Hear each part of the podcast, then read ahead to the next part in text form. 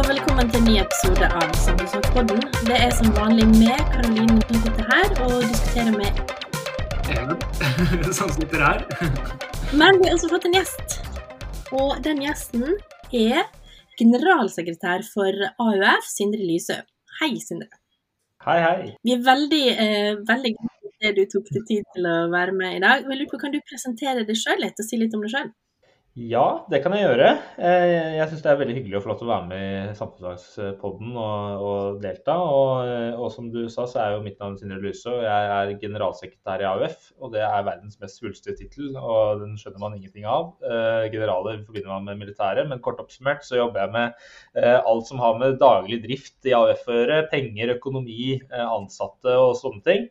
Eh, og så jobber jeg mye med organisasjonsutvikling, hvordan vi skal legge til rette for å skape ny politikk. Eh, hvordan vi skal ha en levende organisasjon som kan diskutere eh, politikk for framtida og forme samfunnet på, på sikt. Så det er liksom den korte, overordna eh, forklaringen.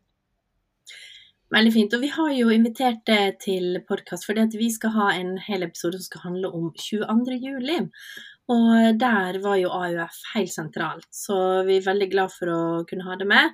Eh, Og forhåpentligvis får vi diskutert viktige sider rundt 22. juli som, som er nyttige og viktige for elevene våre å vite om. Eh, Men jeg tenker vi må nesten begynne med sånn raskt overblikk over hendelsene som skjedde den 22. juli. Så jeg lurer på Even, kan du gi oss en kjapp sånn faktaoversikt? Hva var det egentlig som skjedde? Ja, da er det jo alltid greit eh, å gjøre som vi gjør i samfunnsfag, og det er å se til ulike kilder. Eh, og den letteste kilden vi kan finne her, er jo Store norske leksikon, som eh, har en ganske lang artikkel om hendelsen 22.07. Vi skal ikke gå gjennom hele den, men innledninga der sier at fredag 22.07.2011 ble Norge rammet av to terrorangrep. Bombeangrepet på regjeringskvartalet og massedrapet på Utøya er de verste terrorhandlingene i, i Norge etter andre verdenskrig. Sammen 77 personer eh, ble drept i angrepene, mange ble hardt skadd, og det ble gjort enorme materielle ødeleggelser. Ettervirkningene for de berørte i form av bl.a. psykiske belastninger er store. Gjerningsmannen bak begge terrorhandlingene var Anders Behring Breivik, som i dag soner en dom på 21 års forvaring. Det er utgangspunktet for, eh, for eh, det vi skal prate om i dag. En, en veldig alvorlig hendelse. Og, så er jo den situasjonen også at mange av våre elever var ikke spesielt gamle i 2011. Eh, og har kanskje blitt skjerma fra det for foreldra, eller, eller eh, ikke har veldig sånn, klare og tydelige minner eh, fra, fra hendelsene. Noe selvfølgelig som er en sånn type generasjonskløft. Og da er det ekstra viktig at vi prater om det i dag. Men du, Sindre liksom, hvor var du den 22. juli? Vel, jeg, jeg var på, på Utøya 22.07. Jeg meldte meg inn jeg kan jo si det også, da, jeg meldte meg inn i AUF i 2009. eh, og Da var det etter stortingsvalget, eh, hvor jeg på en måte hadde fått liksom, øya litt opp for politikk. og Hadde vært med i litt eh, elevrådsarbeid og syntes det var morsomt å diskutere og sånne ting. Eh, og hadde da eh, engasjert meg i lokallaget mitt, som var Moss AUF. eh, og Der er jeg fortsatt medlem, for så vidt, men, eh, men hadde verv der. Eh, og vi, jeg var første gang på sommerleir i 2010, eh, og vi dro også på sommerleir i 2011. Så eh, i 2011 så var vi en svær gjeng fra Moss som hadde gleda oss til å være på sommerleir. Eh, det er jo eh, en årlig greie eh, hvor man eh, møtes, diskuterer politikk. Man får jo gjerne høre foredrag fra eh, partilederen i Arbeiderpartiet. Eh, tjø, tjø, altså, I 2011 så skulle vi høre Jens Stoltenberg eh, holde et eh, lengre innlegg i bakken 23.07. Eh, og 21.07 husker jeg veldig veldig godt, for da eh, var det Jonas Gahr Støre som var utenriksminister i Norge. Holdt et strålende foredrag i bakken. Eh, det var megainteressant, eh, selv om jeg ikke klarer å huske akkurat hva det var han sa. Men jeg husker at vi var veldig fornøyd, og det var morsomt. Eh, og det var ekstremt varmt og en veldig fin sommerdag. Eh, og eh, 22.07 så eh, husker jeg at eh, jeg satt eh, utover ettermiddagen. Det var en dag hvor det var veldig dårlig vær. Eh, og på sommerleir spiller man gjerne fotballkamper og sånne ting med fylkene mot hverandre. Og jeg husker jeg satt med sånn fotballtøy og noen sånne møkkete fotballsko og hørte på et eller annet foredrag om eh, det et eller annet det, var i hvert fall ikke Jeg tror ikke det var det mest spennende jeg hadde hørt på den tiden. Eh, men det var i hvert fall innendørs. Og da husker jeg at det var en, en jeg kjente godt fra som jeg hadde blitt kjent med, som var fra Østfold og, også, og som viste meg Han hadde da smarttelefon, og nå høres man jo forferdelig gammel ut, men jeg, altså, jeg hadde faktisk ikke smarttelefon i 2011. Det var ikke så vanlig å ha, ha det da. Men han hadde det, og viste da en nyhetsartikkel fra eh, VG som, som sa at det hadde gått av en eksplosjon i Oslo. Uh, og da uh, husker jeg at vi var litt sånn Ja, men hva er det, liksom? Uh, det, kan, kan ikke, altså, det kan sikkert skje hva som helst. Og tenkte ikke så mye mer på det. Så går det litt mer tid. og så husker jeg at det blir innkalt et sånt fellesmøte på leiren. Da, I det som på en måte da var kafébygget. og hvor det da ble en ganske alvorlig stemning, selvfølgelig. og hvor ledelsen i AUF på det tidspunktet fortalte om en uavklart situasjon. Eh, og hvor man ikke visste om noen var skadd og mange ting. Eh, og, eh, og det ble da avklart liksom at ja, men vi tar en sånn rolig kveld. Det blir liksom en grilling for alle og sånn, men en del av de aktivitetene som var planlagt, de det blir ikke noe av. Og det jeg husker godt fra det møtet, var at det var noen som utbrøt fra salen at Men her, liksom, hva skjer med, hva skjer med standupen som er planlagt? Uh, og det er liksom bare det beste eksempelet jeg har da, på, på liksom hvor, uh, hvor, vanskelig det var å ta inn over seg hva som var i ferd med å skje. Og liksom bare det som skulle være liksom bare god stemning og politikk og sommer, som skulle på en måte senere forvandle seg til et helvete. Og Det går jo da noen minutter til. Jeg beveger meg litt oppover i teltleiren og inn i Østfoldcampen. og Eh, så går det liksom noen minutter til, vi er liksom fram og tilbake. Skal vi gå og spise tidlig? Så er det noen som sier sånn nei, vi venter liksom litt og, og sånt. Eh, og så begynner vi å høre smell. Eh, og det går altså Og det kommer flere. Og jeg husker at vi er liksom fram og tilbake i, i gjengen der. Bare sånn hva, hva, er dette, liksom? Er det noen som tuller med oss? Er det en øvelse? Er det sånn Skal de bare skremme oss litt etter det som har skjedd i Oslo, liksom? Uh, og uh, så går det litt mer tid, uh, og det oppstår ganske stor panikk ute på teltplassen der. jeg husker ansiktet på de vaktene, og for å si det, vakter på, på Utøya på sommerleir, det er personer som passer på at alle har det bra. og at hvis det er noen som har sneket med seg alkohol, så blir de tatt. Det er oppgavene til å være vakt på, på sommerleir på, på Utøya. Eh, og de var da 18-19 år gamle ca. Eh, på det tidspunktet. Og eh, jeg husker frykten i ansiktet på de personene som da samler seg. Idet det da kommer flere hundre personer innover på teltplassen. Så går det litt mer tid. Smellene fortsetter. og så kommer det da en person iført en eller annen form for uniform. Det var veldig vanskelig å avgjøre hva det var. men da var det altså Eh, med noen emblemer. Det så ut som sånn vaktaktig. Eh, og han hadde våpen eh, og skjøt. Og jeg husker at han løftet våpenet sakte opp mot en jente som kom gående forbi kafébygget, og trakk av. Og hun gikk rett i, i bakken.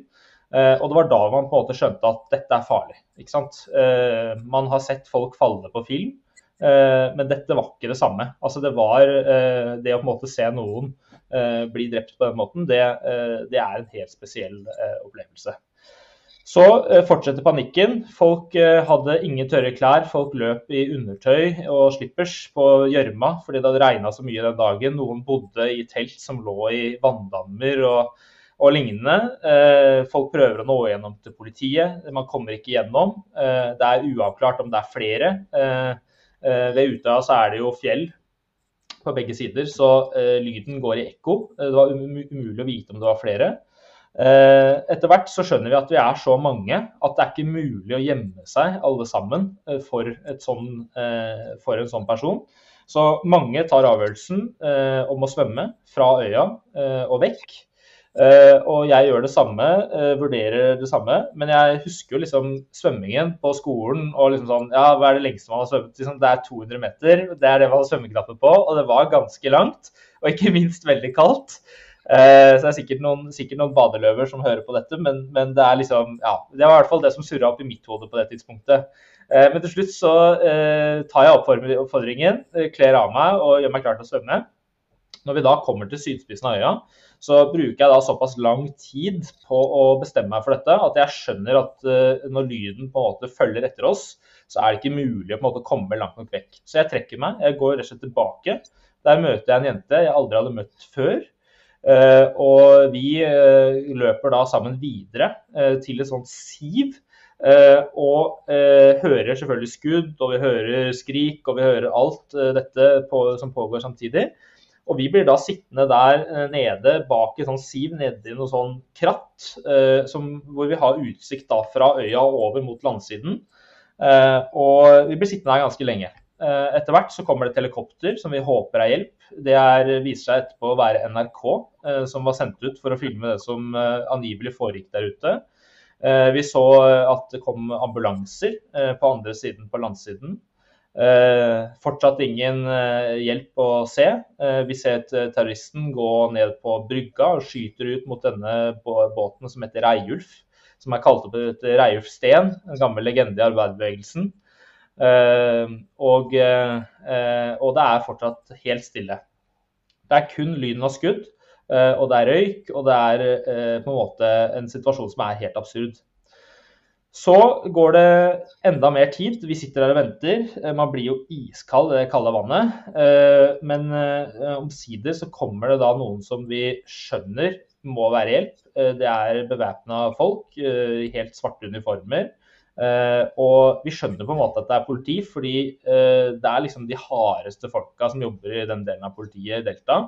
Uh, men de var liksom sånn, de var litt redde, på en måte. da, Du så liksom idet de satt skjoldet mot, mot bryggekanten, så var det liksom en sånn Det var en forsiktighet da, som på en måte man skjønner at er også menneskelig for liksom de hardeste gutta og jentene i politiet. Eh, og de går i land, eh, og noen begynner å løpe utover på øya. Skuddene pågår fortsatt. Eh, vi hører han er på rundene. Og, og etter hvert så er det noen som tør å løpe ned. Og vi ser at vedkommende ikke blir skutt. Og da skjønner vi at dette ikke på en måte, disse er, disse er her for å hjelpe. Så vi bestemmer oss da, når vi hører terroristen komme på runde to, mot der vi hadde tatt avgjørelsen om å ikke svømme, når vi hører han komme dit igjen og nærmer seg der hvor vi var, så bestemmer vi oss også for å løpe bort. Og Det er helt absurd. Vi kommer der i liksom, undertøy, har ingenting på oss. Eh, blir sikta. Politiet vet ikke hvem som er terrorister eller hvem som er farlige, så vi blir liksom pekt våpen mot. Eh, og må gjemme oss bak en sånn eh, brygge, da, en sånn steinbrygge. Eh, og Etter hvert så kommer det flere ned. og eh, Jeg husker at det var en fra lokallaget mitt som fortalte at hun har sett masse blod. Hun har sett folk som lå i hauger. Hun var helt traumatisert og fra seg. Eh, og Det var vel kanskje det på en måte øyeblikket hvor jeg skjønte liksom hvor ekstremt dette var, og at dette var noe liksom bare helt utenfor det vi trodde det var mulig å være med på. Eh, fortsatt er ikke terroristen tatt, eh, og vi blir da tatt med i den eh, lille røde båten som eh, noen sikkert har sett i media. Eh, og vi blir altså kjørt der. Da sitter en væpna vakt med maskinpistol foran. Eh, og så blir vi kjørt over på landsiden, og etter hvert så kommer vi da i kontakt med hjelpepersonell. og jeg får kontakter med mine, mine foreldre, og deretter så blir vi kjørt til Sundvolden, som da er dette mottaket hvor alle samles i ettertid. Så eh, det er liksom eh, kort oppsummert, da. Eh, 22.07. Og, og, for min del, og det er mer, Vi skal sikkert snakke my mye mer nå, men det er liksom der jeg var 22. juli, som kan være greit å ha, ha som et bakteppe. Det er jo utrolig å høre eh, hva en normal norsk 15-åring var, var, du 15? Eh, altså, Fylte 16 i året, så jeg skulle begynne på videregående. Ja. ja. ja. Det er bare det, for liksom, Først har vi en faktahendelse, altså Evens oppsummering av hva som skjedde, men så kommer dine opplevelser som en norsk 15-åring, og det er jo som du sier helt absurd.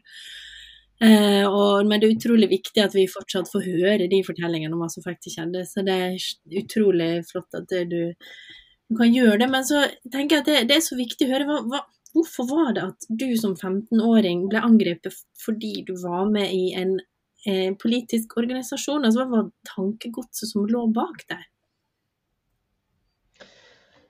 Det er jo eh, Vi vet jo ganske mye om det. Eh, og, og det på en måte terroristen ville angripe 22.07, det var jo eh, Arbeiderpartiet, som på en måte har styrt landet i veldig mange år etter krigen og stått for vel, velferdsutforming og har skapt velferdsstaten. Og Derfor kom angrepet i regjeringskvartalet. og Målet var jo eh, å ramme eh, statsministeren. Eh, og Det var derfor bomba også gikk i Høyblokka, som var statsministerens kontor på det tidspunktet. Men så sa, var jo også motivasjonen var jo også å eh, bokstavelig talt drepe framtidig rekruttering til Arbeiderpartiet. Eh, og rett og slett fysisk ved drap stoppe den rekrutteringen. Eh, og eh, det hatet og det ideologiske tankegodset som ligger bak det, eh, det vet man jo veldig mye om. fordi terroristen hadde jo skrevet et 1500 siders manifest hvor han i detalj hadde beskrevet hvordan han skulle gjøre dette, og hvilket også ideologisk grunnlag dette bygde på. Og Det handlet jo om at både Arbeiderpartiet og AUF er en organisasjon som har vært opptatt av at alle skal ha like muligheter i samfunnet. Man har vært opptatt av et flerkulturelt samfunn eh, hvor man skal kunne integreres uansett hvor man kommer fra i verden. og særlig innvandring var jo en driver for denne terroristen, og også fra lignende terrorhendelser andre steder i verden. Både folk som eh, terroristen 22.07 ble inspirert av, men også folk i senere tid har blitt inspirert av. Mm. Det her er jo på mange måter kjernen, da. Eh, og som jeg tror er viktig for elevene å, å, å ta med seg. ikke sant? Man har hendelsene som er helt fryktelige og absurde.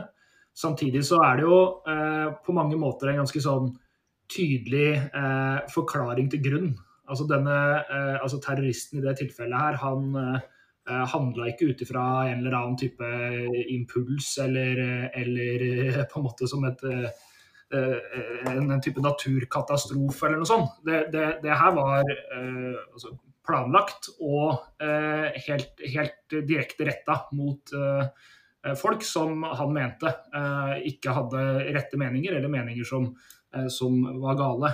og det det er jo en viktig del av samfunnsfaget. At vi diskuterer disse tinga i samfunnsfag, sånn at vi eh, faktisk hører på hverandres meninger.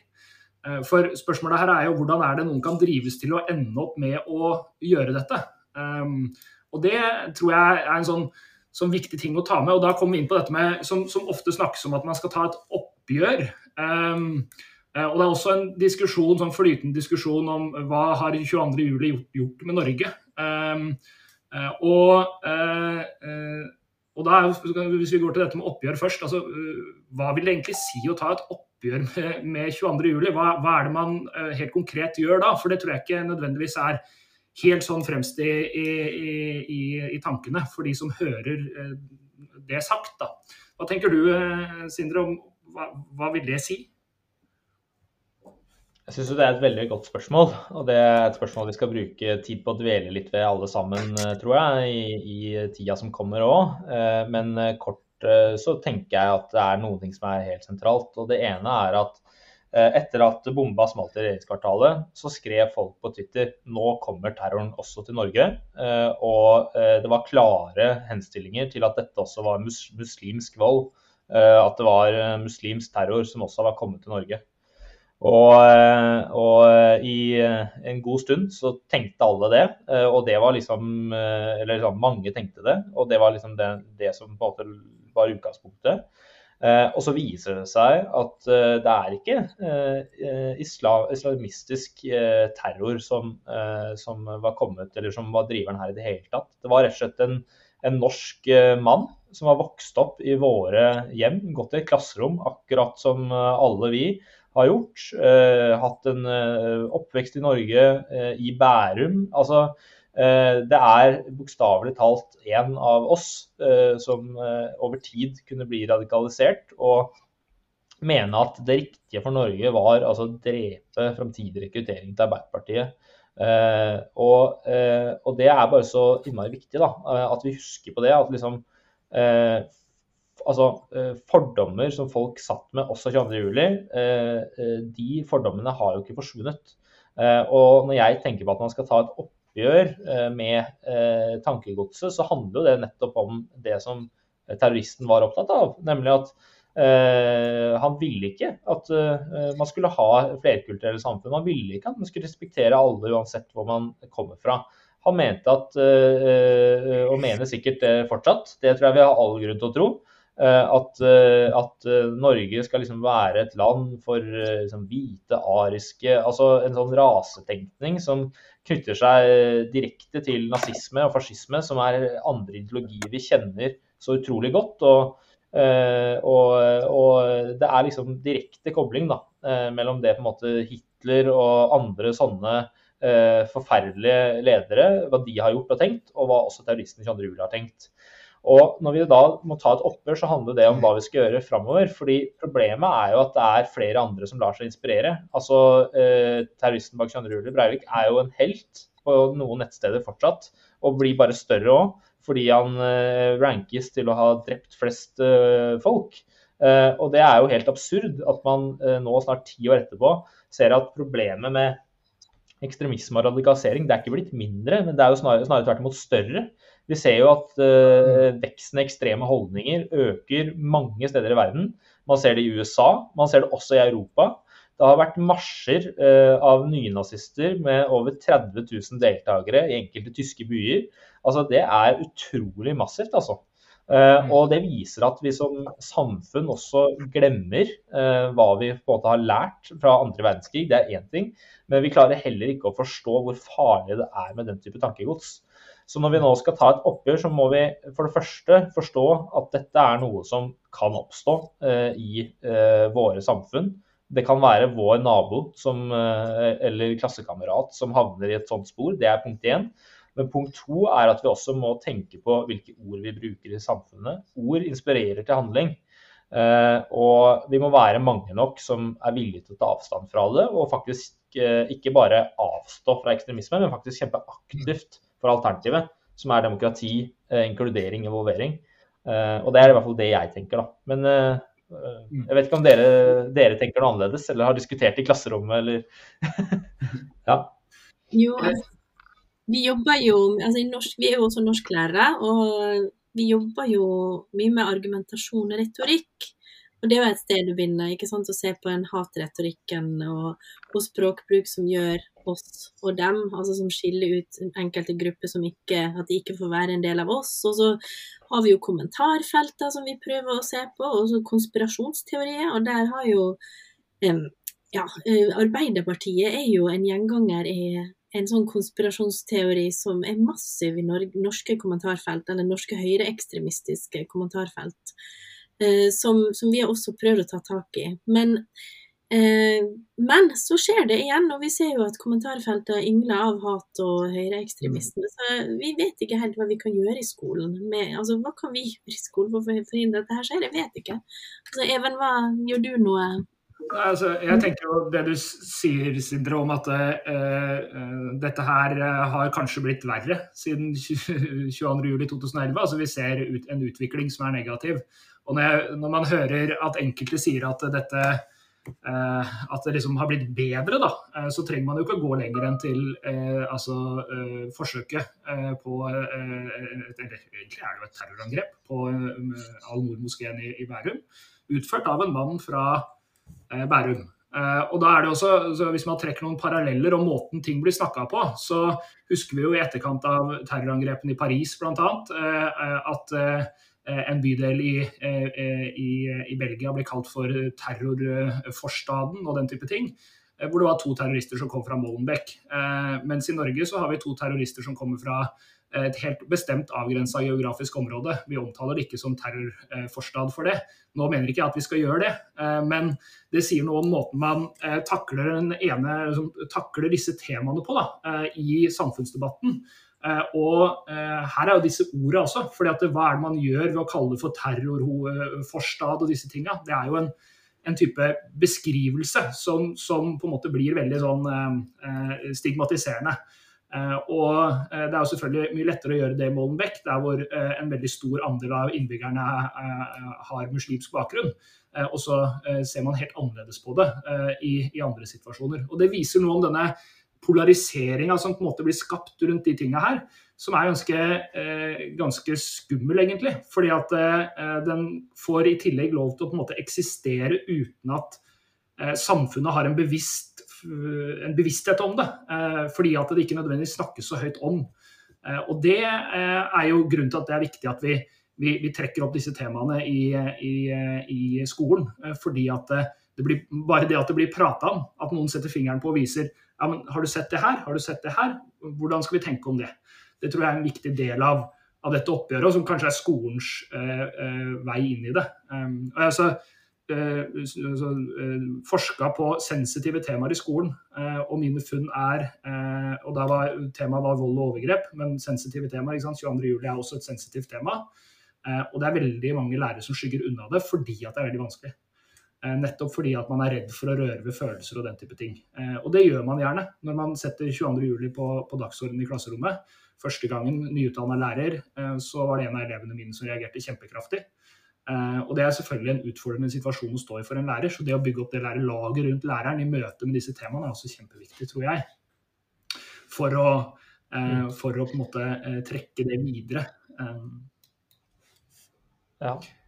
Og så tenker jeg også på det når du, når du snakker om dette, Even, at uh, jeg, jeg, tenker mye på hva samfunnsberedskap er. da, fordi Etter 22. så ble det jo en veldig stor diskusjon rundt beredskapen og at den var for dårlig. og Det har åpenbart mye med politiets håndtering og systemer og sånne ting som ikke fungerte uh, 22.07. Men det som jeg tenker er veldig viktig da, når vi står nå ti år etter, etter terrorangrepet, så er vi helt nødt til å ha en diskusjon om hva samfunnsberedskap faktisk er. Eh, fordi noen eh, tenker jo på samfunnsberedskap som å sette opp fysiske sperringer, gjerder, eh, svære blomsterpotter for de av dere som har vært i Oslo sentrum. Sett sånne svære blomsterpotter som skal stoppe biler da, fra å kjøre inn i folkemengder og sånne ting. Politiet må ha våpen. Det har pågått jevnlige debatter om generell bevæpning i Norge. Men eh, det jeg tenker da, det er at eh, samfunnsberedskap er så innmari mye mer. Fordi samfunnsberedskap handler jo nettopp om det. Hva er det som er ryggmargen vår når vi på en måte blir utsatt for noen som er rasistisk, f.eks. Hva er det vi gjør med et menneske som vi eh, møter som er, har rasistiske holdninger? Er det da refleksen vår at vi skygger unna, eller er det refleksen at vi faktisk tar tak i det og liksom sier at det der kan du faktisk ikke mene. Uh, altså det, det, du på en måte snakker om nå, det er dehumanisering. Du aksepterer ikke på en måte et annet menneske og har respekt for det mennesket. Sånne ting er innmari viktig. da, uh, At vi også husker på er en del av det. Fordi det som gjerne skjer i alle samfunn som utsettes for sånne type terrorangrep, er at man skal sikre seg så mye at man aldri rent fysisk skal klare å gjennomføre et tilsvarende angrep. Men den liksom harde, ærlige, brutale sannheten er jo at hvis man absolutt vil og planlegger godt nok, så får man til å gjennomføre et terrorangrep. Det er jo liksom bare den helt sånn, det er, det er hardt å på en måte snakke om det, men det er jo realiteten. Så måten er jo for å unngå det, i tillegg til selvfølgelig sperringer og vi må ha politi og liksom sånne ting, men, men, vi må også tenke på sånn, hvordan er det menneskene i dette samfunnet eh, forholder seg til den type verdier. Hvordan eh, får mm. vi på en måte samfunnet og alle som bor her til å tenke at vold er på en måte, det er aldri et alternativ. da. Hvis jeg skal ytre meg eller vil noe med samfunnet, så engasjerer jeg meg politisk. Altså Jeg deltar, jeg skriver innlegg i aviser eller holder taler. Det er sånn vi på en måte endrer samfunnet. Det er ikke ved å drepe de vi ikke liker. Altså Det er liksom det er satt litt på spissen, men, men, det er dette jeg på en måte er opptatt av nå. Altså. Jeg har lurt litt på om um, noe greie som har skjedd med måten altså Ikke bare vi i skolen, men hvordan samfunnet ikke har på en måte tatt det oppgjøret. At det, vi har vært så redd for å politisere 22.07. Eh, at det liksom Ja, du sa i sted Even, at ja, det, har vært som en naturkatastrofe. Men det var jo en dypt politisk handling eh, som ble gjort, og det var et angrep på et politisk parti. Um, savner dere i AUF at det, det, blir politisert mer når vi snakker om 22. juli? At ikke vi skal redde for Det er et godt spørsmål. Og, eh, og vi, eh, vi, eh, For oss så handler jo ikke dette om liksom hvor mye skal man legge i det politisk, men det handler faktisk om bare anerkjennelsen av at det var en politisk motivert handling. Det er det, det, det, er det faktumet man må anerkjenne på en måte. da. Når du har skrevet 1500 sider og planlagt i 8-9 år hvordan du skal gjennomføre en terroraksjon med klare rasistiske, hatske holdninger, så er det på en måte det er, det er politikk. Uh, og, og, og, det er ikke på en måte mulig å, å unn, altså komme unna det. Uh, og så er det jo sånn at i, i tiden etter en så alvorlig alvorlig katastrofe som det da er for såpass mange enkeltmennesker, så er det viktig også å kunne stå sammen i den tiden etterpå. Og det tror jeg på en måte hele Norge følte på at det var et stort behov. Eh, men i tiden etterpå, så når det har gått noen år, liksom, så har man jo vært veldig eh, bekymra, i hvert fall fra AUF-side, men også Arbeiderpartiet. ikke sant? Eh, fordi at man, man ønsker ikke å på en måte bli betrakta som et offer i alle diskusjoner om ekstremisme og, og hat. Skal vi komme videre fra dette og lære av det og unngå at det faktisk aldri skjer igjen, så er vi nødt til å diskutere det politiske underlaget. Eh, da holder det ikke at man bare snakker i overflaten om, eh, om eh, bevæpna politi og sånne ting. Man må liksom komme litt til kjernen. Og folk i Norge må på en måte føle det. At dette er noe vi står, står, sammen om og kjemper mot den type holdninger. Og, og er bevisst på at hvis man ikke engasjerer seg, så lar man også de kreftene som er veldig engasjert, både liksom de gode kreftene som eh, engasjerer seg innenfor demokratiet, men også de som på en måte eh, ikke bryr seg om demokrati i hele tatt. Man gir de mer spillerom. da. Så, så, så dette, jo, dette, handler jo om politikk, og, og, enten man vil eller ikke, så må man forholde seg til dette. For det, for det, det, er, det er, er, politikk, liksom. Mm. Jeg tenker også at um, det er politikk, og så, uh, trenger det ikke nødvendigvis altså det Når man snakker om politisering av, av temaet, og det er jo eh, enkelte eh, lærere som kanskje som har følt at det er vanskelig å ta det opp pga. det, men, men, her handler det jo altså Ja, AUF og Arbeiderpartiet var målet, og så er på en måte politikken i det er jo ikke på en måte partiprogrammet til Arbeiderpartiet. Eller, eller forrige landsmøtes vedtatte politikk i AUF. Altså det er jo det er jo et angrep på egentlig en ganske eh, et, et politisk område. Det er altså, veldig stor enighet i Norge. Eh, og det handler jo om at vi eh, altså ikke skal ha rasisme, at vi ikke skal ha diskriminering. at vi ikke skal, altså, Alle disse tingene her er ikke spesielt kontroversielle temaer. uavhengig av på en måte hvilken retning du går i det politiske landskapet. I hvert fall av det på en måte som er innenfor normalen, eller innenfor det som på en måte dominerer eh, bildet. Og Det tror jeg er viktig å ha med seg når man snakker om politisering. er at det, politiseringa av, eh, av eh, eller Politikken i 22.07 handler i veldig stor grad om det som allerede ligger i læreplanen. Eh, om eh, at, og i, i mm, oppdraget til lærerne. Og det er å snakke om at vi skal ha et samfunn der vi respekterer hverandre. Eh, der hvor eh, man ikke diskriminerer hverandre, der hvor vi ikke har rasisme. Eh, det er en del av en måte, oppdraget, det er en del av det skolen skal løse. Og så er det egentlig ikke så mye mer politisering enn det. Og så er det selvfølgelig viktig å si at ja, målet var AUF og Arbeiderpartiet.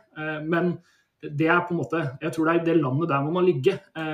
Fordi at man fronter på en måte ikke et politisk parti ved å fortelle om tankegodset som lå til grunn, og, hvilke, hvilke, og grunnen til at de som ble angrepet, ble angrepet. Eh, det tror jeg er viktig at læreren har med seg inn i, inn i på en måte eh, den undervisninga eh, rundt det. Mm. Og så, så, er det jo, så blir man jo stilt Kjør på, Sindre. Beklager, jeg var ikke meningen å avbryte, men blir engasjert, vet du. ja, nei, men, men, jeg tenker at som samfunn så blir man jo stilt på prøve ganske ofte, da, i forhold til hvordan man faktisk takler sånne her ting. Eh, jeg tenker bare på eh, de demonstrasjonene som eksempelvis Nordisk motstandsbevegelse har eh, organisert i Norge de siste årene. De har hatt marsjer og rekrutteringsarrangementer i flere norske byer. Og de har valgt ut byer hvor de vet at det er sårbare mennesker som de kan få rekruttert. Og, og om måte, samfunnet tillater den type aktivitet, f.eks., det er jo et veldig sånn, tydelig eksempel på hvordan man blir stilt overfor et vanskelig valg. Fordi På den ene siden skal man jo også forsvare ytringsfriheten, og folk skal få lov til å ytre seg. Men så må det jo også gå en grense for liksom sånn OK, nå oppfordres det faktisk til hat og uh, vold, og det kan vi faktisk ikke godta. Og de, Det er jo liksom de dagligdagse uh, på en måte tingene man blir stilt overfor. Uh, AUF har jo hatt en uh, veldig viktig sak som vi har jobba med, er jo at det handler om pengestøtte fra det, fra det offentlige. Det er jo en, eh, en, blogg som heter Human Rights Service, eh, som vi i AUF omtaler som en hatblogg. og Det kan jo godt hende at andre ser annerledes på det, men det er i hvert fall sånn vi ser på det. Og vi mener at det er feil at staten skal uh, sponse en sånn blogg med nesten to millioner i året. Eksempelvis. Fordi det bidrar til at enda flere holdninger skapes, enda mer konspirasjonsteorier spres. Uh, og det er liksom summen av alle sånne ting som på en måte handler om å ta et sånt type oppgjør. Eh, så mm. jeg har veldig sånn, forståelse for at det er vanskelig å liksom, ta det ned i det konkrete. Og det har det vært for oss også, som har vært eh, ramma veldig nært på kroppen av 22.07. Men jeg tror der vi er kommet nå, så er vi klare for å snakke mer om disse tingene. Hvilke strukturer og eh, ting i samfunnet har vi som faktisk eh, Og hvordan slår det ut på folks holdninger? Uh, har vi systemer som f.eks. pengestøtte til hatblogger, så er jo det noe som ikke bidrar positivt. Da. Det er jo man, liksom, det er en av de første tingene man kan gjøre noe med, eksempelvis. Mm. Så, så, det er bare viktig å si det også. At sånn, selv om det er litt vanskelig å forstå og på en måte få tak på, så er det veldig mulig å gjøre det konkret også. Mm. Akkurat det med hva skal jeg si, islamofobi er jo en greie som jeg syns vi godt kunne tatt et litt oppgjør med i skolen. For det er jo helt konkret, det var jo en islamofobi som lå bak 22.07. også. Eh, og når vi har Human Rights Service eh, som Det er akkurat som at det 22.07. aldri har skjedd. Eh, og som spesifikt retter seg mot en gruppe ja, mennesker som de da har puttet i en sekk fordi de deler en religion. Og det er veldig veldig mangfoldig gruppe mennesker. Jeg tror eh, det er veldig sjelden du kan gi noen like strekk bare fordi de hører til en religion, men de har liksom samla seg mot en felles fiende. Og det er jo også politiske partier som driver med det de kaller islamkritikk, eh, religionskritikk, og selvfølgelig vi vet jo at i Norge har religionskritikken mot eh, kirka og sånt, det har drevet oss fremover og det har hjulpet mye. Men så skal man liksom late som at det er islamkritikk ikke kan føre til muslimhat? Skal man liksom, Starter man på en sånn level ground, lurer jeg på, eller burde vi være litt mer obs på at det, det, er muslimer som, som har vært uh, si, objektet for veldig mye av det hatet som ligger bak det høyreekstreme? Hvor mye islamkritikk skal vi ha i skolen? Altså, ja, jeg tror du er inne på noe veldig viktig. fordi at Det som skjer når man får denne veldig sånn ytterliggående eh, praten eh, om islam, Eh, så omtaler man på en måte det som islamkritikk. da, ikke sant? Og det er jo på en måte riktig, det. Eh, men den er så satt på spissen og så altså i veldig stor grad feilaktig og generaliserende. Eh, og det det gjør, er jo egentlig å fortrenge rommet for det man kan kalle en sunn religionskritikk. altså Norge har jo drevet med religionskritikk altså, i, i, i mange tiår. Og Eh, og gjør det fortsatt. ikke sant? Det er jo en svær diskusjon om eh, å vie homofile i kirka. ikke sant? Altså Disse tingene her kommer. Det er, det er, jo helt greit å kritisere religion, men problemet er at det, eh, når man får disse stemmene som på en måte Det, det er jo ikke en, en, konstruktiv kritikk av en religion. ikke sant? Det er jo, det er jo hat pakka inn i, i, på en måte noe de prøver å få til å virke normalt. og det det er jo egentlig litt synd med det også, for da får man ikke tida til å, eh, til å prate om eller eller Da får ikke debatten om de tinga som faktisk må gjøres noe med. da. F.eks. Eh, kvinnesynet, som i enkelte miljøer er dårlig. Og som, som, gjør at kvinner havner i en situasjon der hvor de ikke får muligheten til å måte leve så fri liv som de burde gjøre i, i, i Norge. Og det på en måte er jo en grei kritikk. Problemet er at den blir veldig fort liksom, inn i en eller annen sånn type høyreekstrem eh, Eh, suppe som, som, ikke gir mening. Eh, fordi at man, Det de gjør, er å ende opp med å generalisere det og si at alle er sånn. Og Det er jo da du på en måte har tråkka over den grensa, når du sier at uh, ja, det er en prest som ikke ønsker å vie et homofilt par. Ja, men da må alle kristne være altså hate homofile. Det vil jo være en helt sprø ting å gjøre. Og det er jo problemet med den islamkritikken som føres. Det er at Pga. at én tenker det, så må alle tenke det. Og da havner vi på en måte feil ut, da, tror jeg, eh, i den debatten. Um, så ja. Ja, og jeg, jeg synes det, det, du, det, du, spør om der, Karoline, er jo, det er jo selve kjernen i den diskusjonen som pågår i Norge nå, og som også diskuteres i Stortinget, og som alle egentlig på en måte prøver å få et tak om. Uh, og, og, og, det handler jo litt sånn om hvor mye skal være akseptert. Uh, og hvor mye eh, kobling er det faktisk da, mellom ord og retorikk og handlinger som utføres på helt ytre høyre i det ekstreme landskapet. Og Der syns jeg det er veldig interessant eh, det som skjer innen på forskningsfeltet der også. Vi har jo et senter for ekstremismeforskning på Universitetet i Oslo som gjør veldig mye interessante funn knytta til hvordan eh, ekstreme personer tenker, og hvordan de ser på verden og andre mennesker. Eh, og et sentralt stikkord er jo ofte dehumanisering. Eh, vi mm. tenker jo sånn, eh, vanlige folk i Norge, vi tenker jo sånn at ja, men hva tenker denne personen som nå mm. står med et våpen og har tenkt å drepe noen andre? Tenk, altså, vi, vi, ser jo andre mennesker. Er det da mulig å likevel skulle drepe et annet menneske?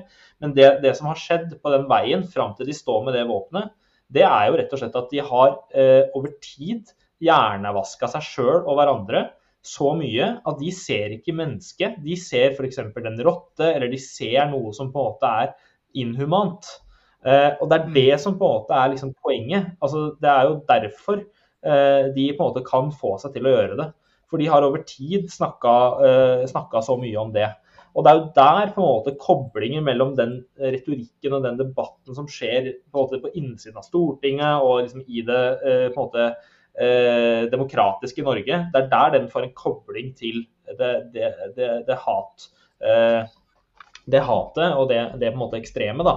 Eh, eh, og Det er der vi må på en måte sette grenser for ytringsfriheten nå. fordi Med en gang man på en måte bidrar til sånn inhuman eh, retorikk og dehumanisere enkeltmennesker eller enkeltgrupper, så er du med å legitimere det pratet og det det, det, som på en måte diskuteres på disse ekstreme bloggene osv. Så, videre. Så det er jo her det er liksom en sånn kobling, da. Og det er jo her man må på en måte, eh, når man er leder i Norge og man sitter i regjering og på Stortinget, man må passe seg veldig. Fordi at Hvis man eh, sitter på Stortinget, for eksempel, så har man utrolig stor makt eh, både om hvilke ord som velges og hvordan Norge skal tenke. Og Hvis man da bidrar til å f.eks. ikke slå ned på hvis noen blir kalt eh, et eller annet, eller hvis man retter en, en kritikk som på en måte ikke er seriøs da, mot f.eks. muslimer og sier at alle muslimer er terrorister eller at alle muslimer er sånn eller slik, og Hvis man ikke setter ned foten da, så er man med på en måte å legitimere og akseptere det som skjer ute på det ekstreme eh, sporet. Så der ligger det på en måte et sånt helt sentralt kjernepunkt da, som vi må, som land og nasjon må klare å liksom håndtere hvis vi skal få gjort noe med dette. For Hvis ikke så skapes det et spillerom ute på ytre høyre hvor man kan holde på. Og attpåtil så får de støtte eh, i offentlige og på innsiden av demokratiet. Og da er vi ute på ville veier. Ja, og det så man jo også. Altså hvis vi trekker en parallell til USA, så er jo den, akkurat den koblinga du prater om der, eh, blei jo veldig tydelig eh, når denne mobben storma The Capital. For da var det han som var innenfor demokratiet, sto på en scene og sa eh, det dere tror på, støtter jeg, og gå mot The Capital. Og mm. så får vi reaksjon med en gang. Det er kanskje det fremste eksempelet på akkurat der, den koblinga der, og hvor viktig det er at du veier de orda dine. Det kan godt hende at han ikke mente at de skulle storme The Capital, Eh, men effekten av orda var det. Eh, og jeg tror, jeg tror, ikke vi har så veldig ofte i verdenshistorien sett en så tydelig kobling mellom eh, dårlig valgte ord eh, eller, eller stygt planlagt valgte ord eh, og reaksjon eh, etterpå. og Det er jo det skumle med denne ekstremismen. Og så tror jeg også den der, det der person, altså, Dette med å ta vare på andre mennesker da, tror jeg også er en del av det her. Altså, veldig Mange av de som havner inn i disse nettforaene, er folk som har havna utafor på et eller annet vis. Da, eh, som, som, på en måte ikke finner et, eh, et fellesskap eller finner en, eh, en, gjeng. Eller, ikke sant? Og jeg tror kanskje vi noe i liksom, den medmenneskeligheten også kan, kan, bidra ved å på en måte sørge for at vi er hyggelige og ålreite folk med hverandre. Og, og inkludere folk og ikke sperre ute folk og sånn. Det tror jeg også er en, en sånn viktig del av det kanskje, kanskje, det er en del av dette oppgjøret også. At vi faktisk også gjør noe med med samfunnet vårt, og hvor inkluderende det er, og, og, hvor lett det er å slippe inn. For uh, da vil det være færre som står utenfor og måtte finne seg et fellesskap i en eller annen mørk avkrok på internett. for der er det mye, mye Når vi så Rostoga rett etter 22.07, så kjente man jo på den følelsen sånn Yes, nå mm. får vi et bedre samfunn. Nå kommer jeg til å stoppe opp to ganger neste gang jeg er veldig uenig med noen og kommer til å tenke på at nå må jeg snakke mer respektfullt. Eh, nå ser vi at vi trenger hverandre. Altså, vi kjente så hardt på det der at nå kommer det. Og så fikk vi ikke det bedre samfunnet. Men eh, vi får ikke gi opp, vi må fortsette, og vi må ta noen runder med oss sjøl og selvfølgelig ansvarspersoner i offentligheten og politikere og stille krav til dem. Og så eh, får vi jo bare fortsette arbeidet her. Mm. Så et siste spørsmål som jeg tror er litt sånn viktig å stille, da. Eh, og det er Uh, altså, vi har jo sagt det før i podkasten her, jeg har bakgrunn fra Arbeiderpartiet og AUF sjøl. Uh, og da syns jeg et viktig spørsmål å stille er hva betyr Utøya for AUF? For nå har vi snakka om alle de forferdelige tinga uh, som har skjedd på Utøya. Men det, det, er jo en historie som er mye større enn det, Sindre. og det har jeg litt lyst til at vi på en måte avslutter med, sånn at den, den sida av, av dette fantastiske stedet også kommer fram. Helt klart, eh, helt klart Even. Eh, og, og, jeg er veldig glad for at du stiller det spørsmålet. Fordi jeg tror veldig mange når de tenker på Utøya, så tenker de også på 22. juli. Eh, og det er jo veldig viktig at man gjør, men det er også viktig at man vet hva Utøya har betydd historisk. Og, og hva Utøya er for AUF også den dag i dag. Utøya har jo vært i AUFs eie siden 1950. Da fikk vi den i gave fra LO i Oslo. Eh, som, eh, som, hadde lyst til å gi dette til AUF. Eh, Uta har jo en enda lengre historie enn det òg, selvfølgelig. og jo, var jo lenge brukt også som sted hvor man kunne samle barn av arbeiderbevegelsen, skulle få reise på ferie og legge på seg noen ekstra kilo eh, gjennom sommeren. Sånn at man hadde litt i vinteren når det var lite mat eh, i fabrikkbyene i, Oslo, i, ja, Oslo og Drammen og alle steder hvor det, hvor det var sånn. Eh, men for AUF så har jo den siden 1950 vært en utrolig viktig sted for å møte AUF-ere fra hele Norge. Vi har samla AUF-ere der i hver eneste sommer omtrent eh, siden 1950. Det har vært et sted hvor man har eh, kunnet kombinere det sosiale, bading, fotball og alle sånne ting, med politiske, eh, politiske diskusjoner, eh, politiske foredrag. Man har hatt mulighet til å tenke høyt om verden. Eh, og UTA har også vært et sted eh, for det progressive Norge. Eh, det var greit å være åpent homofil på UTA lenge før det ble akseptert i samfunnet andre steder. Og det er vi veldig stolt av, at det har vært et sånt sted hvor folk har kunnet finne seg sjøl og oppleve at man blir sett og hørt for den man er. Eh, og så er det klart at eh, Når man ser på hvordan norsk politikk har vært utvikla siden 1950, så er det jo et enormt mange store debatter som også har vært avgjort på Utøya. Husk på at AUF vi er jo politisk organisasjon med stor innflytelse i Arbeiderpartiet. og har hatt det historisk. Og spørsmål om Norge skulle melde seg inn i Nato eller inn i EU, hvilke store velferdsreformer vi skulle ha, det har vært spørsmål som har vært viktige på Utøya. Eh, og også det rød-grønne regjeringsalternativet som man gikk til valg på i 2005, ble også lansert fra talerstolen i bakken da Anniken Huitfeldt var AUF-leder. Så det å på en måte være på Utøya på sommeren, det er historiske øyeblikk. Er, selv om du på en måte sitter bakerst i bakken og bare observerer og uh, har, det, har, det, gøy og morsomt, så, så, er det noe med at du er med på noe som også er historisk viktig.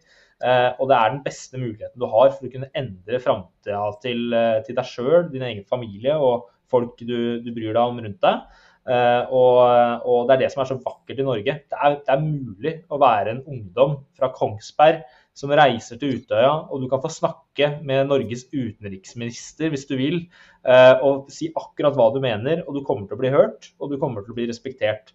Og Det er liksom det, det vakre, og, og, det er det AUF også er uh, i stor grad i dag. Etter 22.07 så har vi vært opptatt av å balansere tre hensyn. Det ene er liksom eh, minnet. Minnet om de drepte. Eh, minnet om alle de vi mista. Det var jo 69 AUF-ere, folk vi kjenner, venner av oss, eh, kjærester, familiemedlemmer. Men også at vi skal lære av historien, lære om tankegodset, at vi aldri mer skal glemme det. Og så er det også at vi skal kunne fortsatt være engasjerte. Utøya skal fortsatt være et sted for politisk debatt, eh, hvor det er mulig å tenke høyt, hvor det er mulig å snakke om de store tingene av samfunnet. Og det har vi fått til på en god måte. og eh, det som jeg også har lyst til å si, er jo at de fleste som er medlemmer i AUF, er jo, eh, er jo også eh, helt vanlige ungdommer den dag i dag. Altså Det er folk fra ca. 15-16 til ca. 3-4-25. Uh, og, og, også nå så er jo medlemmene i AUF det er jo nye generasjoner, og det fylles på hele tiden. og Hvis man virkelig har lyst til å gjøre noe, så bør man engasjere seg i en ungdomsorganisasjon. Eh, AUF kan være et sted, men det kan også være andre organisasjoner som er eh, naturlige. Så hvis man har lyst til å gjøre noe og føler at det bruser litt i kroppen når man hører om urettferdigheten i samfunnet, så, så er det en oppfordring fra, fra meg. Altså, fordi det har i hvert fall gitt meg utrolig mye å være engasjert i politikk som ungdom.